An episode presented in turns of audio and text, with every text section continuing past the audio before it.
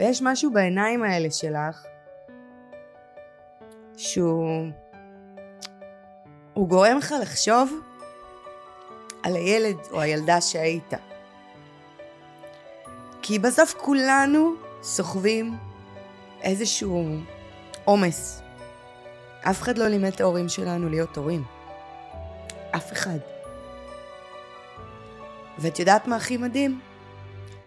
וכאילו, זה, זה מדהים שאני רואה אותך, וכאילו כל מה שבא לי זה, זה כאילו לבכות איתך, לחבק אותך ולהגיד, יואו, מי שרואה את זה עכשיו, קח עט ודף, כי הפודקאסט הזה יכול לשנות לך את החיים.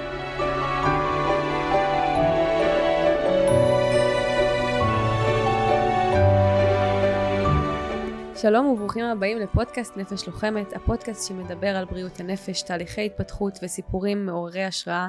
אני המנחה שלכם, אורין ג'ולי, והיום זה אין לי איך לתאר את מה שקרה עכשיו. אני רוצה רגע לקחת אתכם למה שחוויתי ממש ברגע זה. אני התחלתי להקליט לכם פרק סולו על סיפור חיי, ואת סיפור חיי אני יודעת היטב ומדברת אותו באופן שוטף ללא תקלות, ופתאום אחרי איזה חמש דקות שאני מקליטה את הפרק, אני מרגישה מין מחנק כזה, ואני אומרת למפיקה המדהימה של ווידו, אני חייבת רגע לצאת, אני חייבת קפה, משהו לא יושב לי. ואז אני מסתכלת לדלת שמולי, ואני רואה את אחת הנשים הכי חשובות בתהליך שלי, יושבת בכלל לדבר פה על משהו אחר לגמרי, ואני בשוק. אז אם ככה, עם כל השוק הזה שאני עדיין נמצאת בו, אני רוצה להכיר לכם את טליה ברק, המדהימה, שמתמחה ב storytelling, בונה הרצאות, הופכת את העולם, ועוד אנחנו נצלול לכמה שהיא עזרה לי בתהליך האישי שלי. אז שלום טליה. איזה כיף להיות פה. וואו. איזה, איזה בריאה מופלאה. נכון, זה כאילו אלוהים, זה לא כאילו, זה אלוהים. זה אלוהים. meant to be, לגמרי. וואו, מדהים. לגמרי. וואו, אז רגע, אנחנו תכף, אה, אני, את יודעת, ייקח לי עוד כמה דקות לעכל את מה שקרה פה עכשיו, כי את יודעת, לא ציפיתי, וגם ככה את היית מתארחת בפודקאסט שלי, אז זה בא לי ממש בטוב. ואני רוצה ככה לטובת הצופים שלנו שאולי לא מכירים, אם הם עדיין לא מכירים, אז כדאי שיכירו, מה את עושה, טליה? אמ, פעם הייתי עונה לך שאני עוסקת בפיתוח אה, וכתיבת הרצאות, קורסים, הצגות משקיעים, אה, והיום אני מבינה שאני עוסקת בקירוב לבבות. וואו. כי בסופו של דבר אם אנחנו מסתכלים על ה-bottom line, על הסוף של התהליך, אני עוזרת לאנשים לכתוב את הסיפור שלהם בצורה אחרת, כדי שהם יוכלו לעזור לאנשים אחרים לספר את הסיפור שלהם בצורה אחרת. וכשאני אומרת בצורה אחרת, אז בצורה שתטיב עם הבריות. אמ, אנשים מסתובבים בעולם עם סיפורים מאוד מאוד מאוד קשים. לא מעובדים. לא בעין ולא באלף. ויש משהו ברגע להזיז את הנרטיב הזה מהשלילי, שלילי, שלילי, שלילי ל... רגע, אולי... אולי הבורא כן לטובתי, אולי זה כן מישהו היה בעדי בתוך התהליך הזה, כי אנחנו לא רואים תמונה גדולה. נכון. אה, וככה הכרנו גם. זה, זה מדהים שזה מה שאת אומרת שאת, שאת עושה, כי זה בדיוק מה שקרה איתי. הרי אני הגעתי אלייך אחרי שיצאתי זמן אה, עם גל, לא זוכרת כמה זמן זה היה, ואת יודעת, כבר התחלתי להבין שמשהו לא בסדר בהתנהגות שלי, שאני מאוד אה, תוקפנית, שאני מאוד אגרסיבית, אה, המשיכה בשיער, השקרים, המניפולציות שהייתי מפעילה, כבר התחלתי להבין שמשהו לא תקין. ואני דווקא התחלתי לחקור את המקום הזה של הנפש מתוך הדבר הזה שהייתי תולשת שיער בצורה אגרסיבית. ובאחד מהפעמים כתבתי בגוגל תלישת שיער אובססיבית, וגיליתי שיש לזה שם, קוראים לזה טריכוטילומניה. ואם יש לזה שם, יש לזה פתרון, ככה חשבתי. והתחלתי לחפש לי פסיכולוגים וכזה וכזה, ולא מוצאת מישהו שמדבר את השפה שלי. אני יושבת אצלם ואני מרגישה שאני ממש דורכת על הפצעים שלי. ואז אה, התחלתי ככה לחקור לבד, וקראתי ש... יכול להיות שזה קשור לסוד של חיי, אוקיי? היום אני יודעת שבטוח שכן, אבל אז אמרתי, מה? איך יכול להיות שדווקא התלישת שיער הזאת קשורה לסוד של חיי? איך, איך אני בכלל יכולה לדבר על זה? והתחלתי ככה לחקור ולהתעניין, פגיעות מיניות בילדות, והתנהגויות שנולדות מתוך את זה, ו, וממש חקרתי את הדבר. ובאופן מאוד מאוד שטחי, הבנתי שאם מדברים על הטראומה ומוציאים אותה החוצה, נרפאים. ומי שלא רואה, אני עושה מרכאות עם האצבעות, כי זה נרפאים. כן. ואמרתי, אוקיי, אני קצת מפורסמת, אני אלך לדבר על זה בתקשורת. והלכתי לתוכנית הצינור, ואמרתי באופן מאוד מאוד שטחי, נפגעתי מינית, נאנסתי, עברתי התעללות, לא פירטתי לא מי ולא מה, ופתאום אחרי שהכתבה הזאת שודרה, קיבלתי כמויות לא הגיוניות של הודעות, גם אני, גם אני, גם אני, גם אני, גם אני. ואמרתי, אוקיי, משהו זז אצלי בלב, אני מרגישה שאולי פה יש לי איזושהי שליחות. ואז אה, חיפשתי לבנות הרצאה. עכשיו, את uh, מכירה אותי במתכונת ההיא, אבל אני חושבת שהמאזינים שלנו לא מכירים אותי במתכונת ההיא, אלא רק את מה שהצגתי. אני הייתי אדם לא חברתי. לא יכולתי כמעט לקיים שיחה עם בן אדם אחר אחד על אחד, מרוב שהייתי סגורה, מכונסת, מפוחדת, לא סומכת על אנשים. והגעתי אלייך, ואת ראית אותי, ואת ראית את הכל. עכשיו גם העניין הוא, ואני אגיד את זה ככה ברשותך באופן אותנטי לחלוטין, המוצר שמכרת לא היה זול, בסדר? המוצר שמכרת עלה הרבה כסף שאת שווה אותו ובעיניי את שווה הרבה יותר מזה. ואני הייתי בדיוק בהתאוששות כלכלית מהמכה הכלכלית שחוויתי. וגל בעלי אמר לי אורין אני לא יודע אם זה מתאים כרגע להוציא כל כך הרבה כסף על לבנות הרצאה שאולי בעתיד תכניס כסף. אמרתי לו תקשיב לא יודעת מה לא יודעת מי יש לי תחושת בטן על האישה הזאתי, אני רוצה ללכת לאישה הזאתי. ואז אני זוכרת שהוא דיבר איתך והתקשר וזה, לא יודעת מה, סגרנו את זה ועשינו, והגעתי אלייך לפגישה, אמרתי, פה אני רוצה להיות, פה אני רוצה לכתוב את הסיפור שלי. ואני זוכרת שאת הסתכלת עליי ואמרת לי, ככה, אני, אני הרגשתי איזשהו מבט, מבט כזה אמאי מבין, אמרת לי, יפה שלי, אני רוצה לתת לך מתנה קטנה ממני, ליום הולדת שלך, לכי למטפלת הזאתי. זוכרת? ומה לא, אמרתי לא לך? לא אשכח את זה בחיים. כן, ואמרתי לך, לא, תראי, אני הייתי אצל פסיכולוגים, מלא הייתי. מטפלים, וזה. ראיתי הכל, אה, אי אפשר לעזור, כן. כאילו אמרת כל מיני דברים, אה, וגם, את יודעת, בגלל שזה לא הכובע ש- שבאת אליי, אז גם לא רציתי להביך אותך. אמרתי, הדבר היחיד זה שאת תקבלי את זה מתנת יום הולדת. זה הדבר היחיד, מקסימום זה יצליח, כי אמא לא כבר באנו מהבית. אמ, וואו. את הפכת לי את החיים עם המתנה הזאת, את יודעת, מירי, אה, אה, טליה חיברה ביני לבין מירי, זה היה בפברואר 2021, בדיוק לפני יום הולדת שלי. ואני יצאתי ממירי פעם ראשונה ואמרתי וואו וואו וואו וואו החיים היו כאלה פשוטים עד עכשיו ואף אחד לא סיפר לי ומאז אה, מירי ואני צמודות והיא ליוותה אותי בחופה ואת תמיד שם איתי כאילו תמיד לאן שאני הולכת טליה טליה וכאילו יש לך כל כך הרבה בתוך המקום שלי שגם אני אחר כך נגיע לאיך את כיוונת אותי בכלל לדבר הזה שנקרא חמלה בלי, בלי לדעת. ואני חושבת שהעבודה שלך מעבר ל...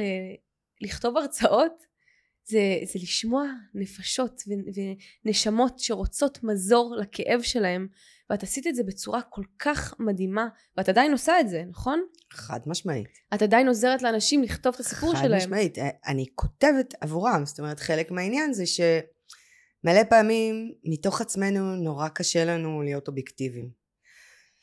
אין לנו את היכולת לעשות זום אאוט ולהגיד רגע וואו איזה מופלא אני. רוב האנשים לא אומרים את זה על עצמם. אז אני מסתכלת על הדברים גם בגלל העודף רגישות שאלוהים ברך אותי וגם כי אני לא מעורבת רגשית בסיפור.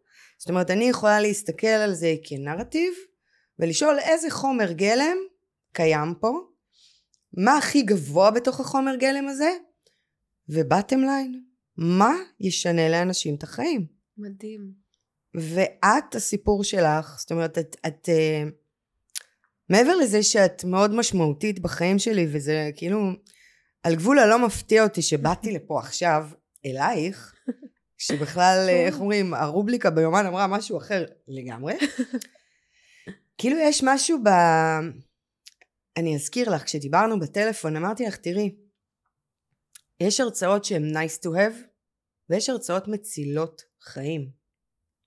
ויש משהו בלדעת לנרמל כאב ולדעת לנרמל פתוס מאוד מאוד מאוד כבד של ילדה ואפשר להכיל הכל עד שזה מגיע לילדים. ויש משהו בעיניים האלה שלך שהוא הוא גורם לך לחשוב על הילד או הילדה שהיית. כי בסוף כולנו סוחבים איזשהו עומס. אף אחד לא לימד את ההורים שלנו להיות הורים. אף אחד. ואת יודעת מה הכי מדהים? וכאילו, זה, זה מדהים שאני רואה אותך וכאילו כל מה שבא לי זה זה כאילו לבכות איתך, לחבק אותך ולהגיד, יואו, מי שרואה את זה עכשיו, קח עט ודף, כי הפודקאסט הזה יכול לשנות לך את החיים. ממש. ואומרים ביהדות, כמו שאת מכירה, את- אה, כמו שאת מכירה אותי, יהדות זה השפה שבה, שבה אני באה לידי ביטוי, אומרים שהשער היחיד שפתוח זה שער הדמעות. היחיד. בכל מצב, בכל זמן, בכל עת. ואת יודעת, כאילו, לימדו אותנו כילדים, למה אתה בוכה? למה את בוכה? תפסיקי לבכות. אין לך על מה לבכות. אז משהו ב state of mind שלנו, המבוגר אומר לנו, למה את בוכה? תפסיקי לבכות, אין לך על מה לבכות. ואני אומרת, לא. זה זכותנו, וזה הדבר היחיד שהוא בין רוח לחומר שמנקה את הנפש. זה דמעות. כאילו, תחשבי, טיפה של יהלום זולקת מהעין, ופתאום את יכולה לנשום. אין, את פשוט, כאילו, כל פעם אני אשב איתך, וכל פעם את ת- תביאי את עצמך בצורה כל כך מדהימה ומעוררת השראה, שאני כאילו, פתאום אני שוכחת את כל מה שרציתי לדבר איתך, ואני פשוט מושקעת במה שאת אומרת. זה, זה מדהים, וזה כל כך נכון. ואת יודעת, אני, אני חושבת שסיפרתי לך על זה אה, בפעם הקודמת שנפגשנו, שאיזה מישהו, לפני שאת ואני נפגשנו, זרק לי, את צריכה לסלוח לאבא שלך. ואני כאילו, סליחה אדוני, היית לילה אחד מהלילות שלי? שאתה יודע מה עברתי ואתה יודע מה חוויתי ואתה יודע מה השטן הזה עשה לי ואתה... תה- תה- תה- תה- ויום אחד שישבתי איתך ואת שאלת אותי איפה אבא שלך היום? אז אני אמרתי לך הוא נפטר מסרטן, לימפומה ביסל, שזה סרטן של מעשנים והוא בחיים לא עישן. את אמרת לי וואלה אורין את יודעת משהו מוזר? שמעתי שגברים שנפטרים מסרטן בגיל צעיר יכול להיות שהם עברו משהו בילדות. ואני באותו רגע הרגשתי איזו תזוזה מוזרה בלב, אה, של תחושה שלא הכרתי. אמרתי, מה, חמלה? חמלה? פתאום אני לא כועסת? פתאום אני לא מצדיקה את הכעסים, את המעשים הנוראים שחוויתי, אבל פתאום אני לא כועסת. ופתאום אני מבינה איך אני משחררת אותו ואותי מתוך הדבר הזה. נכון, זו הייתה עוד עבודה מאוד מאוד ארוכה כדי להגיע. למחוז הסליחה צריך לעבור את כל הדברים הכי קשים שזה כעס ואבל ופחד והכל הכל עברתי. הכל ניסיתי. ניסיתי להפוך עליהם את הבית ולהגיד להם די תראו אותי תביאו לי את ההכרה שמגיעה לי אני חוויתי גיהנום. למה אתם לא רואים אותי? וניסיתי הכל. וכלום לא עבד עד שלא ניסיתי סליחה ועד שלא ניסיתי חמלה. והשלוש אחוז אני קוראת למה שאת עשית שלוש אחוז חמלה.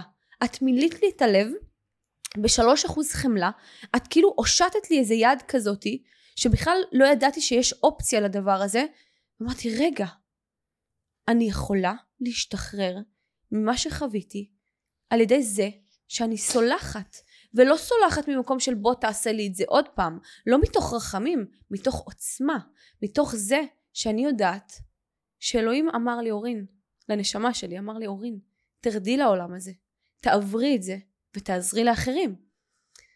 וכשהרגשתי, וכשהרגשתי את ה... את ה, את ה אני, אני פשוט זוכרת, את מכירה את הרגעים האלה שנחרטים לך? את אמרת לי את זה ואני הייתי, סובבתי אלייך את הראש עם עיניים ככה פתוחות ואמרתי, מה אמרת עכשיו? ואז התחלתי לחקור העברה בין דורית. אני רגע רוצה להזכיר לך, מה עוד אמרתי לך באותה פגישה? אמרתי לך שסרטן זה להסיר טינה. אוף, טובה. את לא זכרת. עכשיו, אני, זה נורא נורא נורא קשוח. רגע, שר, להסיר, טינה, טינה? וואו. יכול להיות מצב כזה? בעיניי כן. את יודעת, אה, זה תמיד מדהים לראות כאילו כמה עמוקה מאורת הארנב הזאת, מחילת הארנב, איך שאומרים. כי בסוף, תסתכלי, כולנו ניזונים מסיפורים. ואני אגיד לך משהו מדהים, כי את יודעת, את התחלת. אמ, השבוע, בכלל, זה מין שבוע כזה שכולו סביב אה, אנרגיה נשית, ו- וכאילו מזור נשי, ו- וגיל המעבר, שמה זה אומר בכלל גיל המעבר? זה גיל המעבר, אז מעבר למה? ו- וכאילו זה היה, אני מדברת איתך, זה קרה אתמול, והנה אני פה היום. ואז, אה, תוך כדי חקירה הבנו שבעצם הרחם הזאת שלנו, שאנחנו נושאות, היא תמיד תהיה קשורה ברחם אחרת. זה האיבר היחיד שנושא אנרגיה שיכולה להגיע עד לאישה הראשונה בעולם. כאילו, את מבינה מה אני אומרת? מדהים. איבר אחד, רחם. מערכת רחמים אחת, שהיא היא, היא לא רק בין דורית, מהרחם הראשונה עד הרחם האחרונה. וואו. אנחנו תמיד נהיה קשורות. אישה באישה. את יודעת, אה, היה לי פרק עם אה, טל שראבי שהיא אה, עושה rebirthing ונומרולוגיה והמון דברים ודיברנו ככה על כל העניין הזה של אנרגיה נקבית ואני כל חיי ברחתי מהאנרגיה הנקבית מתוך זה שאנרגיה נקבית הצטיירה לי כחולשה שברגע שאני אהיה אישה אז יפגעו בי אז אאנס אז יקרו דברים נוראים. ואני יכולה להגיד לך שאנרגיה נקבית היא הדבר הכי טוב שקרה לי בחיים.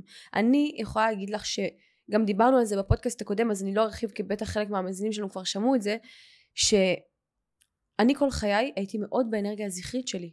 רציתי להוכיח ולהוביל ולהיות ולקחת את ההחלטות וטה טה טה טה והייתי מאוד חולה. היה לי פפילומה דרגה שלוש והיה לי וסטימוליטיס ומחזור לא סדיר ואז כשהתחלתי לצאת עם גל אה, התחלתי לקחת גלולות והמחזור היה בסדר הוא היה סדיר. אחרי שנה אחת של טיפול נעלמה הפפילומה. אבל הדבר הבאמת מרתק ומדהים שקרה זה כשהתחתנו אמרתי לו גל אני מפסיקה את הגלולות ומה שיקרה בידי אלוהים. ואז התחילו לי פחדים של וואי רגע אבל עכשיו המחזור שלי יהיה לא מסודר וטה טה טה טה טה טה שימי לב לדבר המדהים הזה. מספטמבר שהתחתנו עד מאי שיצאתי למילואים המחזור שלי הגיע בלי גלולות כל חודש פק"ל בזמן. יצאתי למילואים הייתי אמורה לקבל מחזור ביום שאני יוצאת למילואים לא קיבלתי מחזור. כי הלכתי לצבא להוביל להחליט לפקד להחליט את ההחלטות להוביל את האנשים. סיימתי את המילואים חודש מילואים ביום שחזרתי הביתה קיבלתי מחזור. ואז עוד חודש קיבלתי מחזור חודש אחרי זה לא קיבלתי מחזור אמרתי אפ רגע מי בא פה לערער לי את התיאוריה כזה היה לי ופתאום אחד מהחברים דיבר על העומס שיש לו בעבודה, לא, לא גל, אחד מחברים האחרים דיבר על העומס שהוא מתיש אותו בעבודה. וגל בדיוק פתח שלושה סופרים חדשים כי הם מכרו את כל הסופרים שלהם, והוא היה נורא נורא עמוס בעבודה. והוא היה חוזר נורא מאוחר עם כאבי ראש וכזה. ואז אמרתי לו, תקשיב, לא בכעס חס וחלילה, אבל הבנתי למה אני לא מקבלת מחזור. אנחנו נצטרך לעשות לנו עוגנים בחודש שאנחנו ביחד לא משנה מה ושאנחנו עושים דברים ביחד לא משנה מה. כי אני יודעת שאתה עמוס בעבודה ואתה בונה לנו עתיד אבל אני כרגע לא מקבלת מחזור כי אתה לא מספיק נוכח. ביום שאמרתי לו את זה יום למחרת קיבלתי מחזור. וזה פשוט דבר אדיר איך אנחנו יכולות לרפא אנדומטריוזיס וסטיבוליטיס בעיות במחזור כל בעיה ברחם מתוך חיבור אמיתי ואותנטי לאנרגיה הנקבית שלנו גם יותר מזה, אמ, בסוף צריך להבין שבעולם הכוונות נקרא לזה, שמספיק לשים כוונה. כוונה. התכוונות. זה מספיק לשנייה לעצום עיניים ולתת פקודה למוח הזה שהוא שרוי, ב, את יודעת, במלא מיסקונספציות. אמרו לנו שנים, נו נו נו על מלא דברים שאנחנו אומרים רגע אבל uh, נשים שכחו שהריפוי להכל זה אהבה עצמית. בדיוק. נשים מסתכלות במראה, אני אומרת לך, ואני, את יודעת עם איזה נשים אני עובדת, יפות, באמת, יפות, בכל מוצלחות, מובן, חכמות, אין, לגמרי. חכמות, אה, אה, כל, כל, איך אומרים, כל הסופרלטיבים הנכונים, דבוקות עליהם, נכנסות איתם לחדר, כאילו פרסומת ללולו למון, אני תמיד אומרת, יאללה, מסכנים כל הגברים שהם עברו בדרך, כאילו שהם ירדו במדרגות. אבל מה עם אהבה עצמית? אהבה עצמית, פשוטה. טהורה כזאת. שאני אסתכל במראה ואני אגיד, וואי, איזה קטע, הרווחתי את הקמט הזה. אשכרה. יואו, איזה קטע, כאילו, הפיגמנטציה הזאת, כי אני אוהבת שמש. באמת, איזה קטע. איזה קטע כל הדברים האלה שלימדו אותי לא לאהוב. מדהים. שיש איזשהו סטטוס קוו שאומר, איך אישה צריכה להיראות? או מהי אהבה? את יודעת איך, איך, איך אתה, איך אנחנו מבינות שאנחנו לא טיונד, שאנחנו לא מכוונות נכון? אני לפעמים שואלת תגידי את מאושרת? או תגיד אתה מאושר? ואנשים מתחילים לזוז ככה בכיסא, הם, הם, הם, הם. נשמה, מה שאלתי? אתה מאושר? את מאושרת? לא מסובך. ואז אני תמיד עוצרת ואומרת, טוב, טוב, סטופ רגע. מה זה אושר? ואם כבר הרמנו לעצמנו להנחתה, אז מה זה אושר הורים? אז אני אגיד לך, בעיניי אושר, אני מגדירה אושר אחרת. אנשים, יש חלק שמגדירים את זה כשמחה, יש כאלה... אני מגדירה אושר כשלווה. ומה אני מתכוונת? כשאני ב state of mind, כשה background שלי הוא שלו, וניקיתי את כל הסלעים הכבדים מנפשי, אני שלווה לקבל את כל הרגשות שיעלו בי. אם זה כעס, אם זה פחד, אם זה עצב, אם זה תהיות. אני כבר סקרנית כשהרגשות האלה מגיעים. אני לא נבהלת מהם, אני לא פוחדת שהם מגיעים, אני מקבלת אותם בשלווה. ואת צריכה לראות אותי לפעמים שאני פתאום מפחדת ממשהו, או פתאום כועסת על משהו, אני, אני נורא מתרגשת, אני נורא רוצה לחקור את הדבר הזה. ובעיניי אושר הוא, הוא מושג חמקמק, אוקיי? אבל שלווה היא בסיס כדי לקבל את כל הרגשות האלה ולהגיד וואלה אני אדם מאושר. וטליה אני אומרת לך את האמת אני אדם מאושר וכן אני חווה עצב וכן אני חווה פחד וכן אני חווה כעס. וכל אחד מאלה שעולים רק מרגיש לי כמו איזו הזדמנות לחקור לצמוח ולהתפתח וכל פעם שקורה דבר כזה אני מתרגשת. ופתאום גם כשקורה עכשיו משהו שהוא לא לרוחי ולא רציתי שהוא יקרה אז אני אומרת בורא עולם תודה אתה יודע יותר טוב ממני מי אני אני רואה כזה דבר, אתה רואה את כל התמונה השלמה, אתה יודע מה להוציא מהחיים שלי, אתה יודע מה להכניס לחיים שלי, כשאני אעשה את ההשתדלות שלי, ואני אעבוד על הגבולות שלי, ואני אעבוד על הדיוקים שלי, ואני אדע בדיוק מה אני רוצה, אז תודה רבה, תביא לי כל רגש, כי כל רגש שם לי מראה. ואני מרגישה גם יותר מזה, שמערכת היחסים שלי, בכללי, של כולנו, עם, עם העולם, עם העולם, היא שיקוף מוחלט של מערכת היחסים שלי עם עצמי. אז ככה אושר הוא בעיניי די חמקמק ומין מונח כללי כזה שמשתמשים בו, אני שלווה. רואים ומרגישים ואני יכולה להגיד לך גם יותר מזה שכש... עברו שנתיים. וחצי. וחצי. כל חודש חשוב. כל חודש הוא בטח, זה חיים שלמים. ואת לא אותו צבע. זאת אומרת, יש שם צבע שהוא הוא מאפשר הרבה יותר למשל ממה שהיה לפני שנתיים וחצי. יש שם איזשהו קול אה, שעוזר לנשים אחרות, אני רואה את הצבע שלך, שעוזר לנשים לנרמל את הדבר הזה שנקרא כאב. כאילו את יודעת המונח הזה כאב שאנחנו נורא מפחדים ממנו ונורא מנסים לברוח ממנו.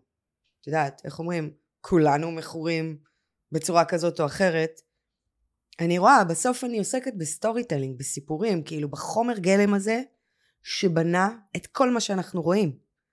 הכל נבנה מהבלוקים האלה שנקראים סיפורים. מה זה היסטוריה? אשכרה. מה זה היסטוריה? סיפורים. סיפורים. מה זה גיאוגרפיה? סיפורים. מה אנחנו זוכרים? סיפורים. אשכרה. למה אנחנו קונים מותג כזה או אחר? כי מישהו ידע לספר סיפור מספיק טוב כדי שאני אגיד, mm, כזה אני רוצה. ממש. את הסיפור הזה אני רוצה. או יותר, יותר גבוה זה, רגע, הסיפור הזה חסר לי. זה, זה מוביל אותי לשאלה, אני רוצה לשאול אותך שתי שאלות. קודם כל אני אשמח לשמוע מבחינתך מה זה אושר. והדבר השני, שאת בדיוק דיברת על העניין השיווקי הזה, וכשאנשים שומעים storytelling, הם ישר משייכים את זה למשהו שיווקי ונורא מניפולטיבי, אז אני אשמח שתעני לי על שתי השאלות האלה, איך שאת רואה לנכון. קודם כל, אמ, אני חושבת ש... איך אומרים, אני העדות ש storytelling ואושר יושבים על אותם בתים, באמת. אז קודם כל, אושר בעיניי זה היכולת להיות שלם עם החומר גלם שאלוהים נתן לך. ואושר אמיתי, אני אספר את זה בסיפור. אם, אם את תלכי להודו, אז את עלולה לפגוש אה, ברחובות המון הומלסים, חלקם אפילו קטועי רגליים. ואני אנתרופולוגית באופי שלי, אז, אז אני שואלת. מה אני... זה אנתרופולוגית? סליחה. חוקרת, סליחה ממה. חוקרת. לא, לא, אני ככה לומדת. אז אני חוקרת, ואני ניגשתי לאחד ההומלסים, שבכלל הוא היה נטול רגליים, על איזה קרש מעץ עם איזה גלגלים שהוא יצר לעצמו, ושאלתי אותו, are you happy? אתה שמח? אתה מאושר? והוא אמר משהו מדהים, הוא אמר, אני מאושר כי לי מספיק פת לחם ביום. צ'פטי אחד ביום מספיק לי. אני פוגש מלא אנשים, ואני נותן לאנשים זכות לתת לי. וואו, וואו. אושר? או לא אושר? אושר. עכשיו, את יודעת, יש מלא דרכים לספר את אותו סיפור. אה, אפרופו מירי, מירי אומרת שאני מכורה לדרמות. אבל זה החומר גלם שלי, זאת אומרת, זה מה ש... איך אומרים? זה העבודה שלי. אני חייבת, אה, אני חייבת פאתוס. אה, אז רוב האנשים ייקחו storytelling, מה שנקרא literally, ויהפכו אותו לעולם השיווקי, לעולם ה marketing, משהו שהוא מאוד מאוד מניפולטיבי. ואני אומרת, לא, storytelling קיים משחר הבריאה. פעם אנשים היו יושבים סביב אה, מדורה, לא היה מרשמלו, אבל אה, היה שם יושב מישהו שבדרך כלל היה מגיע מעולמות רחוקים, הוא היה נווד, והוא היה רואה דברים כל כך אחרים ממה שהם מורגלים לראות, שהוא היה האדם הכי חשוב. אנשים היו מקשיבים לו, אנשים היו מעריכים אותו. Um, היום אין מדורת השבט, אוקיי? מדורת השבט הפכה להיות uh, צג הטלפון. Okay. רשתות חברתיות, אבל מספיק להסתכל, אה, את יודעת, אה, אני, יש לי איזה משחק כזה שאומר שבן אדם נכנס, ספר לי רגע סיפור על הבן אדם הזה. עכשיו אתה יכול לספר, יש כל כך הרבה זוויות, מאיך שהוא לבוש, לאיך שהיא מתאפרת, לשפת גוף. זאת אומרת, אנחנו מדברים ומספרים סיפור מעצם היותנו. אז בשנים האחרונות מהמקום הזה שאומר כן storytelling זה דבר שעליו נבנה העולם מבחינתי. אמ, והוא עוגן בטח ובטח אם רוצים לספר את הסיפור האישי רגשי מנטלי שלנו זאת אומרת יש דרך. אמ, יש איזשהו משולש שחייבים להסתכל עליו מספר סיפור ומאזין. זאת אומרת רוב האנשים יספרו מתוך המספר לא התייחסו בכלל לסיפור, שלא נדבר על המאזין, שמה זה משנה מי נמצא בצד השני, אני רק רוצה לדבר. נכון. אז אני מסתכלת, אני אומרת, רגע, תעלה 30 אלף רגל, ותשאל, מה ישנה את התודעה שלו? מה יעזור לו להיות בן אדם קצת יותר טוב ממה שהוא היה רגע לפני שהוא פגש אותך? עכשיו, זה לא הסיפור שלי. הסיפור שלי רק מאפשר לך לספר את שלך. למה? את במיוחד, את דוגמה חיה, אני מביאה אותך, יואו, כאילו, אם גרד לך באוזן, זה רק בגלל שאני מדברת עליך ומביאה אותך מלא כדוגמה. כי בעצם, את לקחת נושא שהוא טאבו. לא מדברים עליו. ששש. כאילו חלק גם ככה מהנרטיב הנשי בעולם זה הסתרה ובושה, אז יאללה בוא נעמיס. עוד פעם, בתוך המשפחה, עוד מאבא, אה, המשפחה ברוך השם. לקח לך גם זמן להגיד שזה אבא. שנתיים. אני הייתי כל כך גאה בך, אני ישבתי, התייפחתי את נשמתי. כי אני יושבת, אני מחבקת את הכלב, ואני אומרת לאלון, תראה, תראה איזה מלכה. תראה איזה מלכה. אין לי שערות בידיים, אבל מה שיש, השתיים האלה עומדות. אני אומרת לו, תראה איזה מלכה. כי מה היא עשתה בעצם עכשיו? בלי לדעת. אלא אם שם אותה בתפקיד שליחת ציבור. מה השליחת ציבור הזאת עשתה? היא אמרה לכל הנשים באשר הן, על כל השושלות אחורה, ולצערנו גם קדימה, את לא אשמה. את לא עשית שום דבר חוץ מלהיות. מותר לך להיות יפה, מותר לך להיות חכמה, מותר לך להיות סקסית, מותר לך להיות סימן קריאה. וכל מי שחושב אחרת, לא קשור אלייך בכלל. תשמעי את... גידלת, לאנ... תקשיבי, גידלת לדור שלם עמוד שדרה. אין לי דרך אחרת וואו. להגיד את זה. כי באמת, תחשבי, היה פתאום גל של נשים שפתאום נכון. דיברו, שאתה אומר, מה? עכשיו, אני יכולה נכון. להגיד לך, את יודעת, מאצלי, שפתאום הגיעו מלא נשים והתחילו לספר, ואת אומרת, וואו, זה, לא ציפיתי. לא זה, ציפיתי. זה היה מטורף, כי אחרי זה גם הגיעו בתקשורת עוד נשים שפתחו סיפורים בתוך המשפחה. ואני הייתי כאילו, אה, וואו, אוקיי, מעניין. ו, ואני חושבת ש... הדבר האדיר ב storytelling, שעכשיו פתאום נפל לי בזמן שאת מדברת בצורה מטורפת, פתאום קלטתי ש storytelling ומילים ותקשורת זה הבסיס של כל הבריאה הזאתי. בראשית ברא את. בדיוק. א' עד ת'. בדיוק. הוא לא ברא שמיים, הוא ברא א' עד ת'. זה, זה מדהים כי, כי אני אומרת, הרי בני אדם חייבים להיות ביחד. וכשיש את צג הטלפון הזה שכל כך מרחיק אותנו גם מעצמנו וגם מהסביבה שלנו, ואנחנו כל הזמן מקבלים את המסרים השליליים האלה, על כמה אנחנו לא טובים אם ככה, ועל כמה, אם את יכולה לשים רק בגד ים, רק אם את מידה אפס. ואז אני אומרת, זה לא, לא... אבל אז יש קולות כמוך, זה לא נכון. נכון, נכון, נכון. ובגלל זה אני אומרת, יש כאן בחירה חשובה מאוד של מי שמחזיק את צג הטלפון. אבל אני אומרת, תראי איזה מדהים זה. לא ש storytelling זה לא מניפולטיבי, זה הבסיס לכל העולם הזה. זה, התורה כתובה כסיפור.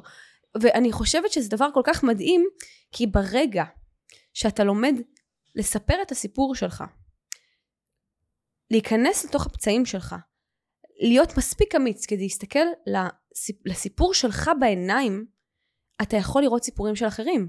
כי אני, הטענה שלי היא שאדם יכול לפגוש אותך רק עד העומק שהוא פגש את עצמו. אמת. וכשאני הגעתי אלייך, את יודעת, היו לי המון בעיות, ואנשים שכזה לא הסתדרתי איתם וכזה, והיום אין לי את זה. לא כי אני איזה בודה או דלי למה, כי אני פגשתי את עצמי כל כך עמוק, ובכיתי לילות שלמים, וצרחתי לאלוהים, אלוהים, למה אני, אני לא מסוגלת להתמודד עם זה.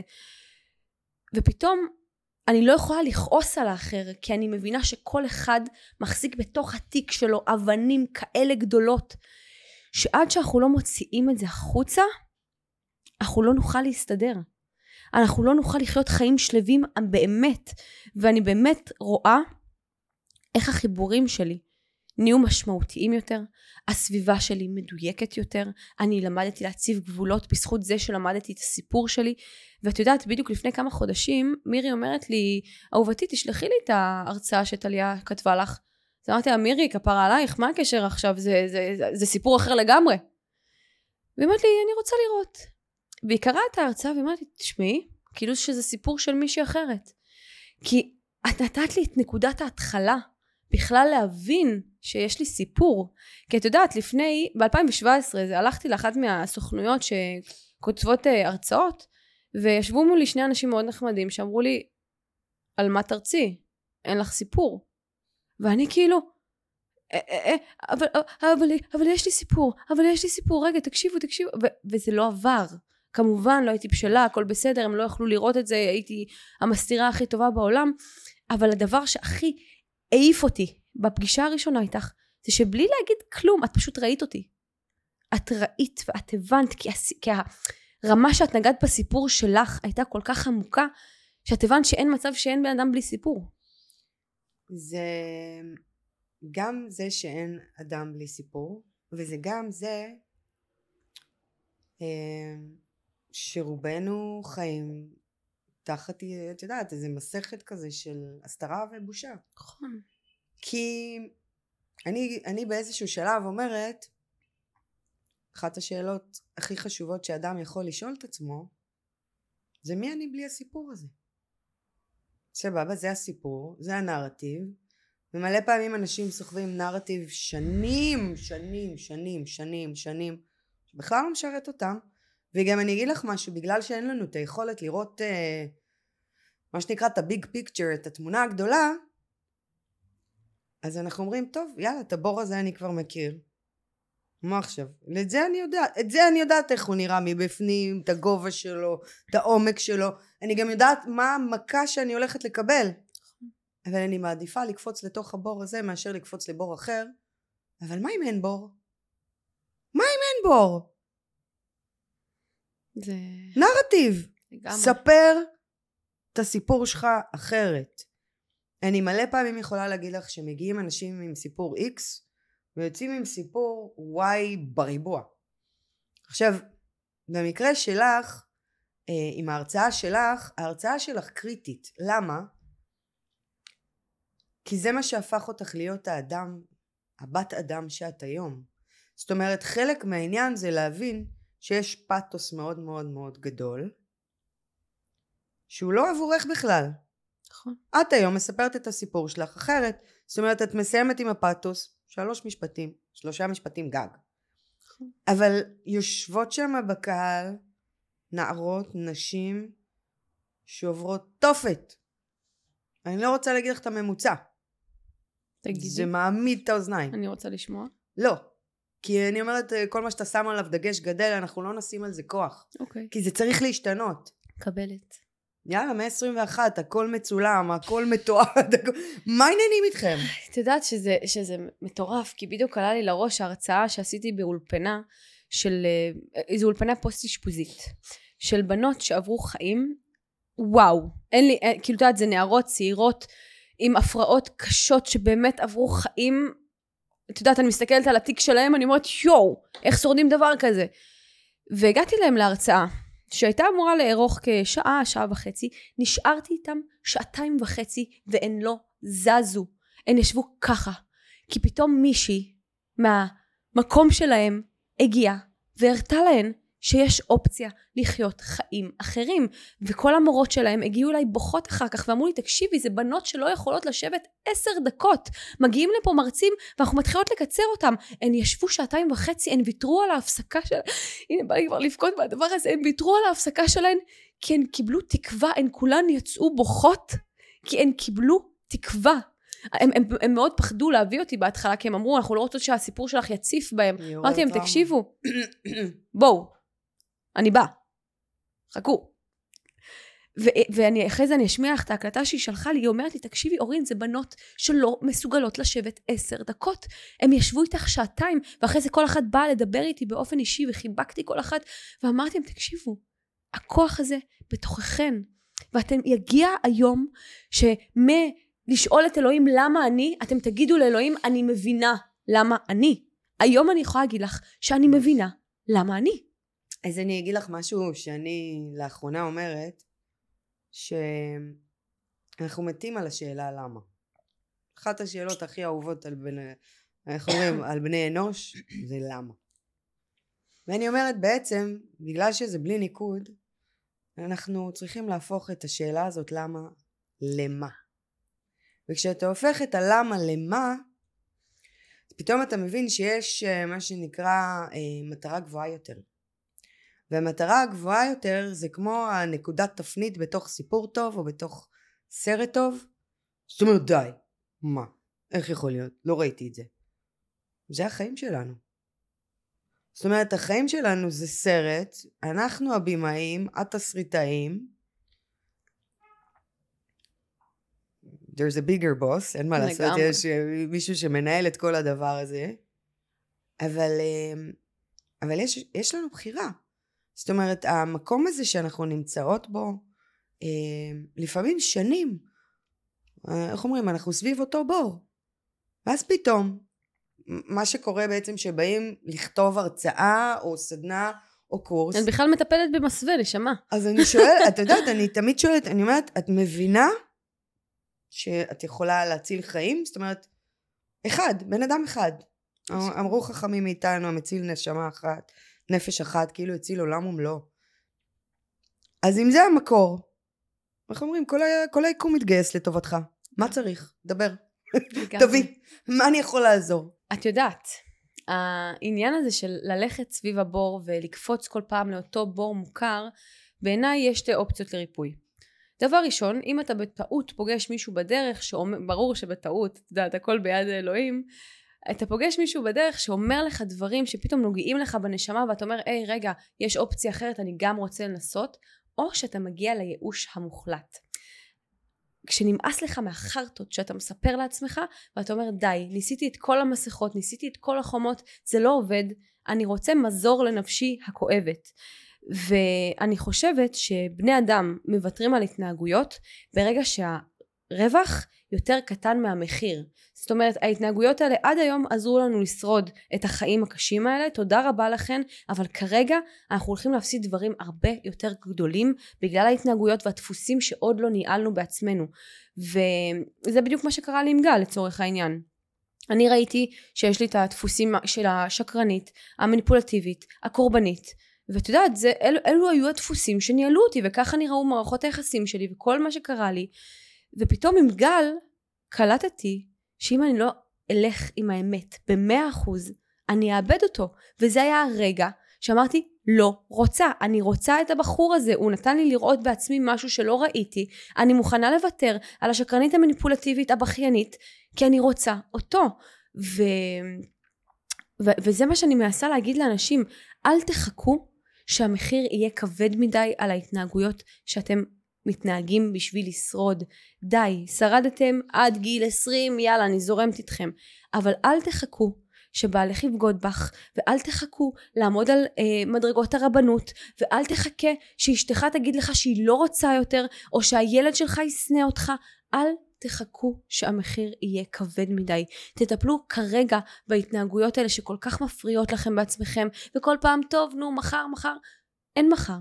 יש את עכשיו, ויש את ההחלטה ואת הבחירה הקדושה הזאתי להתייחס לעצמנו, להתחבר לעצמנו. ואת יודעת, אני גם חושבת שהאושר הכי טהור מגיע באמת מהחיבור לעצמנו. הרי בטראומה או באיזשהו אירוע נורא קשה שאנחנו עוברים, קורה פיצול. הפיצול הזה בין הרגש לשכל. ו... ואז אנחנו נורא מנוהלים, וכל עולם שבח... אם אני בחרתי בעולם הרגש, בעולם השכל אני הייתי משלמת מחירים מאוד מאוד כבדים. ואם בחרתי הפוך, בשכל, בעולם הרגש, אני משלמת עולמות, אה, מחירים מאוד מאוד כבדים. וכשאנחנו מצליחים להביא את המקום הזה של הבחירות שלנו מאוזנות, עשר רגש, עשר שכל, שזה נשמע לאנשים לא הגיוני, החיים נראים אחרת לחלוטין. ובגלל זה אני אומרת, אולי הבור מוכר, אבל הבור הוא בור. וכל פעם צריך להתמלא במשהו, ואם לא תמלא אותו בהבנה עצמית, בתהליך, בריפוי, הוא יתמלא בהתמכרויות, בשנאה עצמית, בהלקאה עצמית, בדברים לא טובים שתעביר לילדים שלך. את יודעת, בעיניי המתנה הכי טובה שאפשר לתת לילדים שלך, לבן הזוג שלך, להורים שלך, לעצמך ולעולם, זה זה שאתה תלך לגלות את עצמך ואת הדפוסים שלך. כי אנחנו תמיד חושבים שאנחנו יודעים הכל. ואנחנו מנסים, אני יודעת, אני רוצה שיהיו לי ילדים, עדיין אין לי ילדים, אבל אני מאמינה שגם מתוך המקום הזה הנורא דואג, אנחנו רוצים למלא את הצרכים של הילדים שלנו, ואנחנו בכלל לא שמים לב שאנחנו נותנים להם את החרדות שלנו. זאת אומרת, אם אני עכשיו גדלתי בבית אה, נורא מתירני, שהיה מותר הכל, וגדלתי לתוך מציאות מאוד מאוד לא טובה, אני ארצה לתת לילדים שלי בדיוק את ההפך. אבל אז אני מתעלמת לחלוטין מהצרכים שלהם, ואני ממלאת אותם בחרדות שלי. כי בעיניי, שתי הקצוות של אותו חוט, זה אותה חוסר אונים של הנפש. אם אני שחצן יאיר מתנשא, או שאני אה, סגפן אה, בצורה לא הגיונית, זה אותו דבר, זה אותו כאב, נכון, ואני גם תמיד אחליף את התפקידים. כי עודף וחוסר זה בדיוק אותה בעיה. בדיוק. מה זה ו... משנה אם את בולימית או אנורקסית? אה, הפועל הוא הרס עצמי. זאת אומרת, אה, איך אמר, אה, אני חושבת שזה צ'רצ'יל אמר, I've seen the enemy and it's us. ראיתי את האויב, הוא אנחנו. זה מדהים. כאילו אנחנו גם חופרים את הבור הזה. אשכרה. אחד מה... אחד מהדברים שחוזרים עליו מלא פעמים, זה ש... את יודעת, אנחנו אנשים מודעים, המציאות שאנחנו חיים בה, מספיק שיש לך כרטיס אשראי וטלפון, אתה יכול ללמוד הכל. ממש. ממש. אתה רוצה ללמוד לנתח? אין בעיה. כרטיס אשראי וטלפון. אני מגזימה, כן? אבל אפשר ללמוד הכל. וזה מדהים אותי לראות כמה אנשים נאורים, חכמים, כאילו, גם הסיפור של הבור הוא אותו סיפור. עכשיו, אתה לא יכול לשבת עם בן אדם ולהגיד לו, וואי וואי, כאילו, מגרד לי כל הגוף רק מלשמוע אותך. כי, ה, איך אומרים, הפתרון והבעיה יושבים באותם מקומות בדיוק. הם לא ליד אפילו. זה באות... יש איזה משפט שאומר, מי שיצר את הבעיה הוא גם יכול לתקן את הבעיה. אי אפשר לעשות השלכה החוצה. אף אחד לא אשם. כאילו אם המציאות שאנחנו חיים בה היא מציאות נגיד הולוגרפית, מה זה אומר? זאת אומרת שכל מה שיש לנו בפנים יוצא החוצה. אם אני לא אוהבת את עצמי, ופתאום אני רואה חס וחלילה את הילדה שלי לא אוכלת, לכי תטפלי בעצמך. ובכלל אני חושבת שאנחנו במציאות שמצריכה שתי דברים, אחד טיפול והשני התפתחות. זאת אומרת יום שלא התפתחת לא למדת משהו חדש בזבזת אותו. ויום שלא טיפלת בעצמך וטיפול הוא יכול ללכת יש היום כל כך הרבה אנשי מקצוע מופלאים לצורך העניין אמ, אבל אם אתה לא יכול ללכת לטיפול כזה אז מה יטפל בנפש שלך? ללכת להליכה בים? לכי להליכה בים. ליצור מוזיקה, לכתוב, לצייר? שלך? לצייר, לרקוד, לשיר, תטפלו בנפש. זאת אומרת, היום זה לא בושה, זה הכרח, זה הכרח. זה כורח המציאות, זה מעריך חיים. אמ, בוא נגיד שחלק מהטיפול בנפש זה לא לשבת לראות uh, חדשות. בטוח. לא, כי זה יעשה את ההפך, כי אני גם אומרת בסוף, um, יש לנו איזה מערכת יחסים עם חוסר אונים.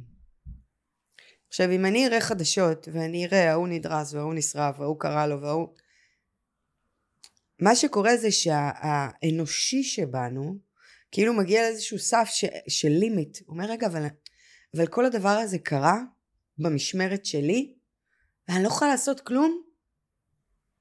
איך יכול להיות? איך יכול להיות שזה קרה ואני לא יכולה לעשות כלום? אז אני אומרת שזאת השאלה, סגור את הטלוויזיה. סגור, אין לך מה לעשות. זה לא מקדם אותך לשום מקום, זה רק מעכב אותך. כשאני אומרת מעכב, זה מעכב את ההתפתחות הזאת. ממש. כי, כי יש משהו ב- בקסם הזה של החיים. כאילו, אני באתי לכאן בכלל עם, איך אומרים, עם כוונות אחרות לגמרי, אבל בחייאת, איפה את? הוא יודע יותר טוב מאיתנו. זה יותר חשוב מהכל. עכשיו, אם אנחנו לא נהיה ערים, ולא נהיה במצב שאנחנו טיפה קצת יותר טובים ממה שהיינו קודם, על כל מה שזה אומר, הייתי מפספס את ההזדמנות הזאת. פעם אחת לפגוש אותך, פעם שנייה, יכול להיות שעכשיו יש מישהי שהפודקאסט הזה הצילה את החיים. עכשיו, בזה הרגע, הצילה את החיים. ש, שכל מה שעבר לה בראש זה איקס, ובתום הפודקאסט הזה היא תגיד, יש משהו ששווה לחיות בשבילו. כי יש שני אבני דרך שעליהם אפשר לבנות הכל. תקווה וביטחון. ואם אין לך תקווה וביטחון, אין לך כלום. הכל קורס. בן אדם צריך, אין, כמו אור קטן בשביל להבין שאפשר אחרת. ואני גם אומרת יותר מזה, שבסוף אם אנחנו מסתכלים במונחים של אור וחושך, עונג מול נגע, כל המילים הגדולות האלה, תנסי לחשוב על מה שאני אומרת, זה מאוד עמוק. החושך הוא יותר מתגמל מהאור. חד משמעית.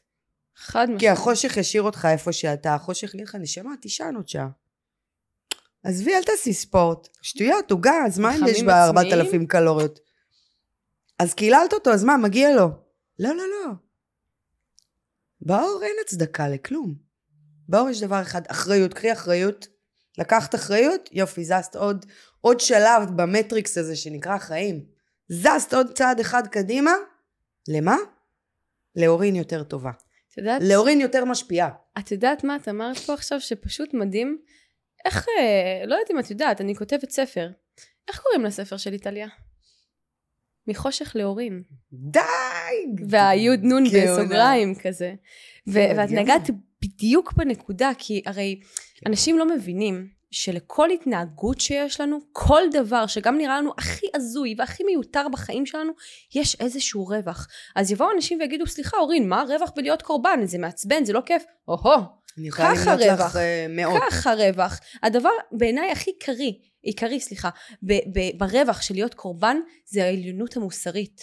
אני הייתי אדם טוב, אני בסדר, ההוא פגע בי, אז כל האשמה עליו, אז כל האחריות עליו, אני נשאר הקדוש המעונה, וכל העליונות המוסרית הזאת במרכאות, משאירה אותך בתוך משבצת של קורבן אומלל שלא מצליח לנהל את חייו כי כל מה שהוא עושה זה להאשים החוצה את מי, שפג... את מי שפגע ואת מי שעשה.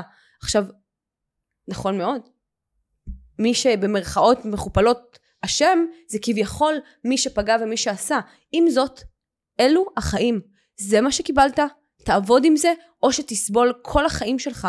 ולגבי העניין הזה של הסבל בתוך האור והחושך, גם באור וגם בחושך יש סבל.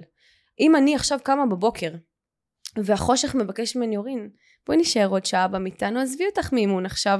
אז אני אשאר עוד שעה במיטה, אני אהנה מהשעה הזאתי, במרכאות אני אומרת את זה כן, כי אני כנראה אוכל את עצמי, ואני אקום אחרי שעה ואני אגיד, איך פספסתי את האימון, יכולתי לקום להתאמן יואו, ואז יכול להיות שגם תתחיל הלקאה עצמית.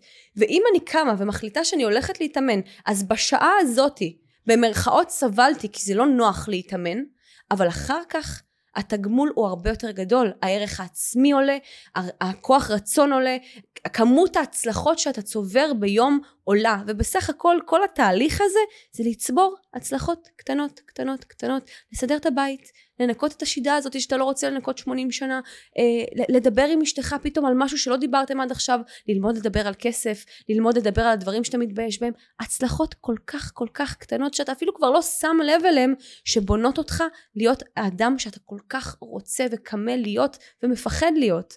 אז אני חושבת שהכאב הוא בלתי נמנע, אבל הסבל הוא בחירה. נכון. אני חושבת שיש, את יודעת, הסיפור של הסבל, בואי, אנחנו יהודים. מספיק להסתכל בהיסטוריה, איך אומרים, בהיסטוריה של היהדות בשביל להבין שהנרטיב הזה של אה, עם סובל, עם קשה עורף, די. לא מיצינו. מיצינו, די, את פה. גם לא הבנו.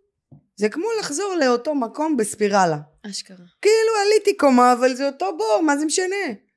לא הבנתם? לא הבנתם שאפשר אחרת? לא הבנו? כאילו אני, אני, אני נורא כואב לי מה שקורה כרגע בישראל. אמ, ואני לא מרבה לדבר על זה מסיבה אחת כי אני עובדת גם עם זה וגם עם זה וגם עם ההוא וגם עם ההם ו, ואני עובדת עם כל המגזרים ו, ונראה לי שיש איזה משהו שאנחנו חייבים להבין שאם אנחנו נחליט לשנות את הנרטיב הזה של אלפי שנים הכל ישתנה. זה רק סיפור שנמאס לנו לספר מדהים, מדהים. אין לי דרך אחרת להגיד את זה. זה כל כך נכון, כי גם, את יודעת, אני עשיתי איזה שיתוף בפייסבוק על הרכבת הקלה, שהיא לא עובדת בשבת. את יודעת איך יצאו עליי? אני הייתי בשוק, אני, אני, אני בכלל לא מתערבת ברפורמה, במה שקורה, ניתקתי לא, לא, לחלוטין. אסור, אסור, אסור. כאילו, לא רוצה. לא, אסור, כי זה שיח מפלג, ואני חושבת ש... אני לא מבינה בזה, לא רוצה להבין בזה. שניקח את זה, שפשוט צריך להסתכל על ה... כאילו, אני תמיד אומרת, יש משהו יותר, הרבה יותר גבוה. קירוב לבבות. זה הרבה יותר גבוה מהכל, וזה בכלל לא מתייפייף, ובכלל לא מעניין אותי מאיפה את באה, ובכלל לא מעניין אותי במה את מאמינה. מעניין אותי האם זה שאת כאן תורמת לעולם להיות טיפה יותר טוב. נכון. ואת יודעת, כאילו, אני, אני באמת, אה, כש, כשניסיתי לחקור ככה על הרפורמה, באמת ניסיתי לחקור, כי רציתי רגע להבין מה הכאב של פה ומה הכאב של פה. שני הצדדים צודקים, שזה הדבר הכי יפה, שני הצדדים צודקים. ומי ששולט בלמעלה, אם זה בית משפט העליון, או אם זה אמ, נקרא להם הדתיים ב... בממשלה, ואני אומרת את זה במרכאות, כן, כי ככה הם קוראים להם, הצד השני, בסך הכל כל מה שצריך זה ששני הקצוות מלמעלה ישבו, ידונו וימצאו פתרון מאוזן, כי כל הצדדים צודקים. וכולם אומרים את אותו הדבר בשפה שונה, וזה הדבר הכי כואב לי, את יודעת, אני גם רואה שכל ההתנגדות והכאב, הוא לא עולה רק בישראל, הוא עולה לא, בכל, בכל העולם. העולם. וגם אה, זה מאוד מאוד, אה, עוד פעם אם אנחנו חוזרים למונח הזה storytelling, זה storytelling של אלפי שנים. וואו, את יודעת מה העלית לי פתאום? אני חייבת להקריא לך משהו שכתבתי, כי זה בדיוק מדבר על הדבר הזה, וזה אחד הדברים שעזרו לי אה, להגיע לחמלה מאוד גדולה. אוקיי, אני כתבתי את זה בדיוק לפני שנה, ב-17 לאוגוסט 2022, וזה הולך ככה. יש לי שואה ב-DNA. יש לי דורות אחורה של רצח, שנאה, אונס, התעללות ב-DNA. זאת אני שקמה כל בוקר ובוחרת לנצח את זה. זאת אני שקמה כל בוקר, וכשהשואה מזדנבת לי למחשבות, אני מחליטה לא להיכנע לה. זאת אני שיודעת כמה זה קשה. לקום כל בוקר ולנצח את השואה הזאת. ואם אני יודעת כמה זה קשה, וכמה כוחות נפש ותרגול אני צריכה כדי לנצח את זה, איך אכעס על אלו שלפניי? איך אמשיך לכעוס על האנשים שלא ידעו שיש אופציה לרפא את הפצעים האלו שהעולם הזה פצע אותנו? איך אכעס על טבע האדם? איך אכעס על אלו שנתנו לי מה שיכלו במסגרת הכלים שהעולם נתן להם? כעסתי מספיק, צרחתי את נשמתי, בכיתי, השיער נשר לי, וזה לא עזר. אף פעם זה לא עזר. מול אף אחד מולם. אז אולי רק, אז אולי במקום לכעוס, אעשה שלום. רק להבוקר, אנשום. אבין שלא כל אחד יכול להבדיל בין טוב לרע. אולי אצליח להבין שאימא שלי בת לניצולי שואה. אולי הבוקר אחמול. אולי אצליח להבין שאבא שלי היה ילד בלי קול. שכל ההתעללויות שהם עברו פשוט הגיעו גם אליי בשרשרת אכזרית של הטבע.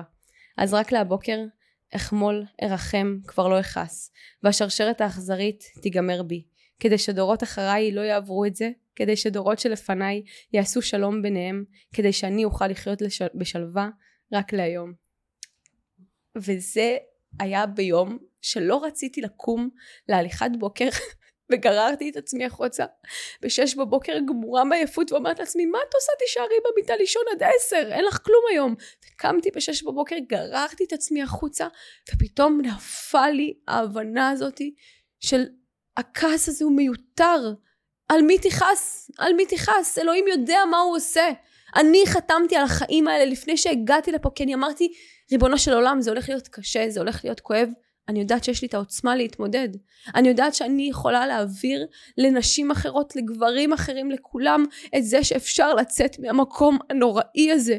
אפשר, זו בחירה שלנו. נכון, פגעו בנו, נכון, זה לא פייר, נכון, מותר לנו לכעוס. אבל כשנסיים לכעוס, בואו ננסה רגע דרך אחרת. בואו ננסה רגע דרך של חמלה, לא בשבילם, לא בשבילם. רק בשבילך. רק בשבילנו. בשביל אני אחזק, אה, וואו איזה טקסט, אבאלה. אמ, אני אחזק רגע את מה שאת אמרת, כי אני לאחרונה אומרת שאנחנו, יש לנו בחירה לעצור את הגנטיקה הרגשית. וואו. זה לא בין דורי, זה גנטיקה רגשית. כי יש משהו ב... איך אומרים? בכאוס, בפתוס. שאם קרה להורים שלי את זה, נו, ברור שזה יעבור גם אליי. לא. אני יכולה להגיד לך, אה, כמו שאת יודעת, אה, אמי נפטרה לפני שלוש וחצי שנים, ואני מאז אומרת כל לילה, תודה רבה אימא, שפדית את הסרטן דורי דורות קדימה, כדי שאנחנו לא נצטרך לחוות את הסבל הזה. זה לא פשוט. זה לא פשוט בכלל. אבל, אה, אבל זה בידיים שלנו לעצור סבל. סבל זה לא בחירה. וזה מתחיל בבור הקטן הזה שאני כבר מכירה ויודעת איך הוא נראה ואיך הוא מריח ומה הטעם שלו וזה מאוד מאוד אה, כאילו פה אני פה אני הגיבורה של הסיפור. הזש הזה הוא שלו. צאי מהבור. ואת יודעת, ככה רגע לפני סיום, כמו שזה נראה לי, לא בא לי להפסיק לדבר איתך, מה אני אעשה? מה אני אעשה? אנחנו לא נפסיק לדבר, אנחנו פשוט... כל, אה, כל, פעם, כל שיחה איתך אני מסיימת בוכה. תוקה שלי, הלוואי שגרמנו ל... לאנשים שעוצרים את הדמעות שלהם כל חייהם. הלוואי, את לא... קצת לבכות ולשחרר את הכאב והסבל שהם את חווים. הפודקאסט הזה עשיתי בדיוק בשביל זה. את, הפ... את כל מה שחשפתי ואת כל איך שאני מדברת בצורה כל כך גלויה על פפילומה ועל זה שהייתי שקרנית ואת כל הדברים הכי מגעילים אני חושפת רק כדי שנשמה אחת תשמע את זה ותחליט שיש לה מקום בעולם והיא יכולה לרפא את הפצעים האלה. ואת נגעת בדיוק בנקודה הזאתי שעכשיו יש מאזינה או מאזין אחד שהפודקאסט הזה נועד עבורם. ואני כל כך מתרגשת באמת כי תראי אנחנו יודעות שאין סתם. והמפגש שלנו היום והמפגש שלנו אז אין סתם. ואת באמת הצלחת עכשיו את יודעת אחרי כל היום הזה של ההקלטות כבר הייתי קצת עייפה וזה ואת הצלחת כמו תמיד להוציא ממני כל כך הרבה רגש ואמת. תודה לאלוהים מה אני יכולה להגיד לך? תודה לאלוהים תודה לך ואני זה כיף. רוצה לדעת אם יש לך עוד משהו שאת רוצה להגיד משהו שאת רוצה אה, רגע, סליחה, אני לא מסיימת את הפודקאסט הזה בלי להגיד על הספר של טליה. לטליה יש ספר מדהים שנקרא פשוט להרגיש סיפור, והיא מספרת ומסבירה על storytelling, שזה פלטפורמה להעברת מסרים בעולם החדש. אפילו הציור, שתביני איך אנחנו מסתכלים על דברים לפי רמת ההתפתחות שלנו, אני לא שמתי לב לציור הזה קודם, ויש לי את הספר הזה לפחות יותר משנה. אפילו הציור, זה רגש ושכל, והחיבור ביניהם, ובעיניי גם הניצוץ האלוהי. ואני פשוט באמת משמעית. ממליצה לכם ואני אשים קישור למטה לרכישה של הספר הזה וגם את כל הפלטפורמות של טליה אני אשים למטה בתיאור כי האישה הזאתי זאת אישה שאסור לפספס ומי שרוצה להכיר את עצמו וללמוד את הסיפור שלו אנא מכם זאת הכתובת יש עוד. משהו שאת רוצה להוסיף שלא דיברנו עליו? אמ, קודם כל להגיד לך תודה ותודה איך אומרים? ליושב במרומים הזה ש... איזה תצרף מטורף. ואיזה פאר היצירת, באמת. ואם יש מישהו בצד השני שעכשיו אה, אמרתי בהתחלה שיש את המשולש הזה של מספר סיפור ומאזין אם יש מישהו עכשיו בצד השני של המאזין זה לא קורה בלעדיכם כל הדבר הזה זאת אומרת יש המון המון המון חשיבות למקום הזה שבן אדם אומר אני לא יכול יותר אפשר עזרה? אל תתביישו. אל תפחדו לבקש עזרה. אל תפחדו ללכת לטיפול. כל מה שזה אומר בן אדם מטופל הוא בן אדם בריא. בן אדם מטופל הוא הורה יותר טוב. בן אדם מטופל הוא אישה ובעל יותר טובים. בן אדם מטופל יותר טוב לעצמו והעולם הזה זקוק לאנשים בריאים בנפשם. ואז כל השאר קורה. וקסם קורה כשבן אדם ער. ובשביל להיות ער אנחנו צריכים להיות בריאים בנפשנו. אז תודה שאת כזאת בריאה. תודה שיש לך כזה חלק עצום בתהליך ההבראה שלי ואת שלי עושה אני... עבודת קודש. אני מעריכה אותך ואוהבת אותך ווואו אלוהים בורא עולם כוח עליון יקום. איך שתרצו לקרוא לו תודה תודה תודה באמת באסירות תודה. כל יום הוא מפתיע אותי מחדש. את יודעת אני כל יום רואה ניסי ניסים שכבר אין לי לא יכול להיות לי ספק. כל הזמן גל צוחק עליי שאנחנו עוד מעט נחזור בתשובה אני אומרת נשמה אני בתשובה. אני דתייה לגמרי. אולי אני לא מתלבשת אולי אני לא זה מי, מי יודע אולי גם זה יקרה אני לא שוללת בכלל. אבל אני לגמרי דתייה אני אומרת תודה על כל מה שאני מכניסה לפה על הבוקר על הלילה שומרת נידה אני עושה את מה שעל נשמה שלי מרגישה שמקרב אותי לכוח העליון המטורף הזה, כי בסוף מה אנחנו כולנו? ניצוץ אלוהי ממנו. זה כן. הכל. אז אהובה שלי, שוב, תודה ענקית, וחברים, אם אתם הרגשתם שהפודקאסט הזה תרם לכם ואתם רוצים לשמוע עוד מהאישה המופלאה הזאתי, תגיבו לי למטה ואולי נעשה עוד פרק ביחד. וכמובן, שתפו את זה עם מי שאתם חושבים שמתאים לו לשמוע את זה ויעזור לו לשמוע את זה, כי זה באמת פודקאסט מציל חיים. אז תודה רבה על כל התמיכה והאהבה שלכם ונתראה בפרק הבא. תודה רבה.